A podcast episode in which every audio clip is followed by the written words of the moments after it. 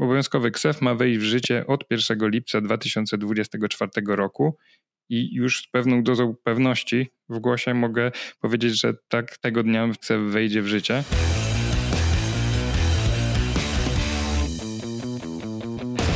Dzień dobry Państwu, Anna Strzelecka. Zapraszam na kolejny odcinek Podatkowej Międzymiastowej. Tak się składa, że nasze nagranie pojawia się w okolicach świąt Wielkiej Nocy, więc wszyscy mamy głowę pełną pisanek, y, zajączków, a jak zajączek to króliczek, a jak wiedzą Państwo jest taka piosenka, że nie chodzi o to, żeby złapać króliczka, tylko żeby go gonić. I my w podatkach mamy takiego króliczka, który od dłuższego czasu nam ucieka, wszyscy go staramy się dogonić, mianowicie e, staramy się zrozumieć, jak on będzie, ten system nowy w podatkach mm, funkcjonował, bo mówimy o absolutnie rewolucyjnej zmianie w rozliczaniu podatku VAT, mianowicie o krajowym systemie e-faktur. I właśnie dlatego, że mówimy o KSEF-ie, jest z nami Jan Zimnicki, ekspert CRIDO w zakresie y, właśnie ksefu, wdrażania ksefu. I takie moje pierwsze pytanie po, po dzień dobry Janku, bo jeszcze dobrze było, żebym cię przywitała. Dzień dobry. Moje pierwsze pytanie jest takie, czy jesteśmy rzeczywiście trochę bliżej tego króliczka, bo pojawiły się nowe przepisy, prawda? Tak, pojawiła się nowa wersja projektu ustawy 15 marca. Jest to wersja projektu ustawy po szeroko zakrojonych konsultacjach publicznych.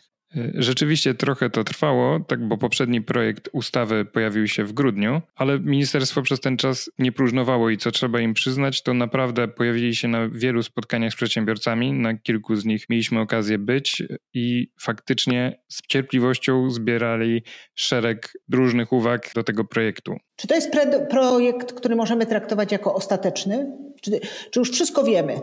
To, co wiemy na ten moment, to podstawowe założenia, i tutaj stanowisko ministerstwa jest takie, że to już nie ulegnie zmianie. Mówiąc to, mam na myśli przede wszystkim datę wejścia w życie. Obowiązkowy KSEF ma wejść w życie od 1 lipca 2024 roku i już z pewną dozą pewności w głosie mogę powiedzieć, że tak tego dnia wejdzie w życie. Ministerstwo zależy na rocznym vacatio legis, to znaczy tym czasie między opublikowaniem ustawy a jej wejściem w życie. Należy spodziewać się ostatecznej wersji przepisów przed wakacjami. Czy to oznacza, że przed wakacjami będziemy już wiedzieć wszystko, że już będzie miał y, po przeciętny podatnik jasność co do tego, czego się spodziewać w związku z ksefem?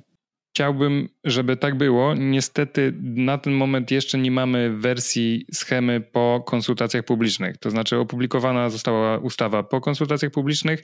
W tym samym czasie była konsultowana schema, czyli to jest wskazanie, jak ma wyglądać e, faktura ustrukturyzowana. I tego jeszcze nie wiemy. Mam nadzieję, że będziemy to wkrótce wiedzieć, bo to jest bardzo istotne, żeby już móc od strony technicznej ten KSEF wdrożyć. A co wiemy na pewno? Bo rozumiem, że po tych ostatecznych zmianach pewne rzeczy się wyjaśniły. Co, jakie? Oprócz daty wejścia w życie, uzyskaliśmy potwierdzenie co do tego, jakie podmioty będą musiały korzystać z KSEF. I już wiemy, że zobowiązane do korzystania z KSEF będą podmioty posiadające stałe miejsce prowadzenia działalności w Polsce. Kryteria mają zostać doprecyzowane przez ministerstwo prawdopodobnie w formie objaśnień podatkowych. Wiemy też, że poza KSEF będą faktury konsumenckie. Czyli B2C. Czyli B2C. Jeszcze nie, nie mamy pewności co do tego, czy to będzie bezwzględne wyłączenie, to znaczy, że nie będzie można nawet fakultatywnie wystawiać faktur konsumentom. Ustawa nam tej odpowiedzi na ten moment nie przynosi, ale to wszystko wynika z uzasadnienia i z tego, co nam mówi ministerstwo. To znaczy, że B2C w całości poza KSEF, czyli nawet jeżeli będziemy chcieli wystawiać faktury kons dla konsumentów KSEF, to nie będzie takiej możliwości. E, oczywiście poza KSEF jest też WNT i import, e, ponieważ KSEF dotyczy strony sprzedażowej, to znaczy w momencie, w którym coś dostarczamy wewnątrz wspólnotowo lub eksportujemy, to musimy wystawić fakturę w KSEF i dostarczyć ją swojemu kontrahentowi w inny sposób ustalony z nim. Przed publikacją nowego projektu ustawy wiele osób liczyło na rozporządzenie dotyczące wyłączeń obowiązku korzystania z KSEF, przy czym no, dla wielu przedsiębiorców może to być źródło rozczarowań, ponieważ katalog podmiotów, które zostały wyłączone z obowiązku korzystania z KSEF jest dosyć wąski. Dotyczy to przyjazdów autostradą, przewozu osób, czy też tak wąskiej działalności jak kontrola lotów. Co więcej, część procedur szczególnych będzie poza KSEF, takich jak sprzedaż na odległość towarów importowanych. Co jeszcze wiemy? Co jeszcze pojawiło się w tych przepisach takiego, co dotychczas budziło wątpliwości, a zostało w jakiś sposób wyjaśnione bądź zmienione?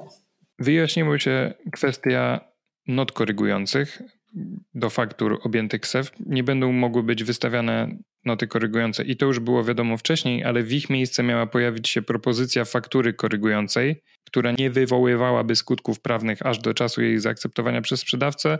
I tutaj ministerstwo po wielu uwagach ze strony przedsiębiorców co do tego, jakby to miało wyglądać, różnych y, problemów takich praktycznych, zrezygnowało. Czyli po prostu noty korygujące w całości będą poza KSEF. Wszystkie błędy na fakturze, choćby drobne, będą musiały być korygowane po prostu za pomocą zwykłej korekty. I to jest, myślę, taka duża zmiana praktyczna. Z początkiem 2025 roku nie będzie uznawane też za e-fakturę paragon z NIP do 450 zł, a także wyjaśniło się też to, że do końca 2024 roku zostanie możliwość wystawiania faktur przy użyciu kas rejestrujących w sposób tradycyjny, czyli poza KSEF, no ale tutaj też od 1 stycznia 2025 roku to wszystko będzie musiało się znaleźć KSEF. Co jeszcze można powiedzieć to, że e, faktury korygujące do faktur wystawionych przed 1 lipca będą mogły być wystawiane wyłącznie przy użyciu KSEF. Co więcej, znalazły się też przepisy dotyczące tego, co będzie się działo, gdy awaria wystąpi po stronie podatnika, bo wcześniej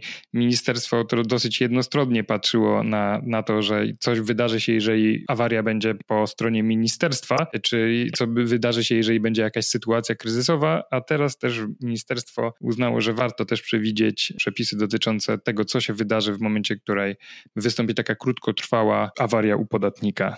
Ponad miesiąc temu miałam przyjemność prowadzić webinarium z innym ekspertem KSEF e, w Crido, z Tomaszem Groszykiem i tam pojawił się temat sankcji.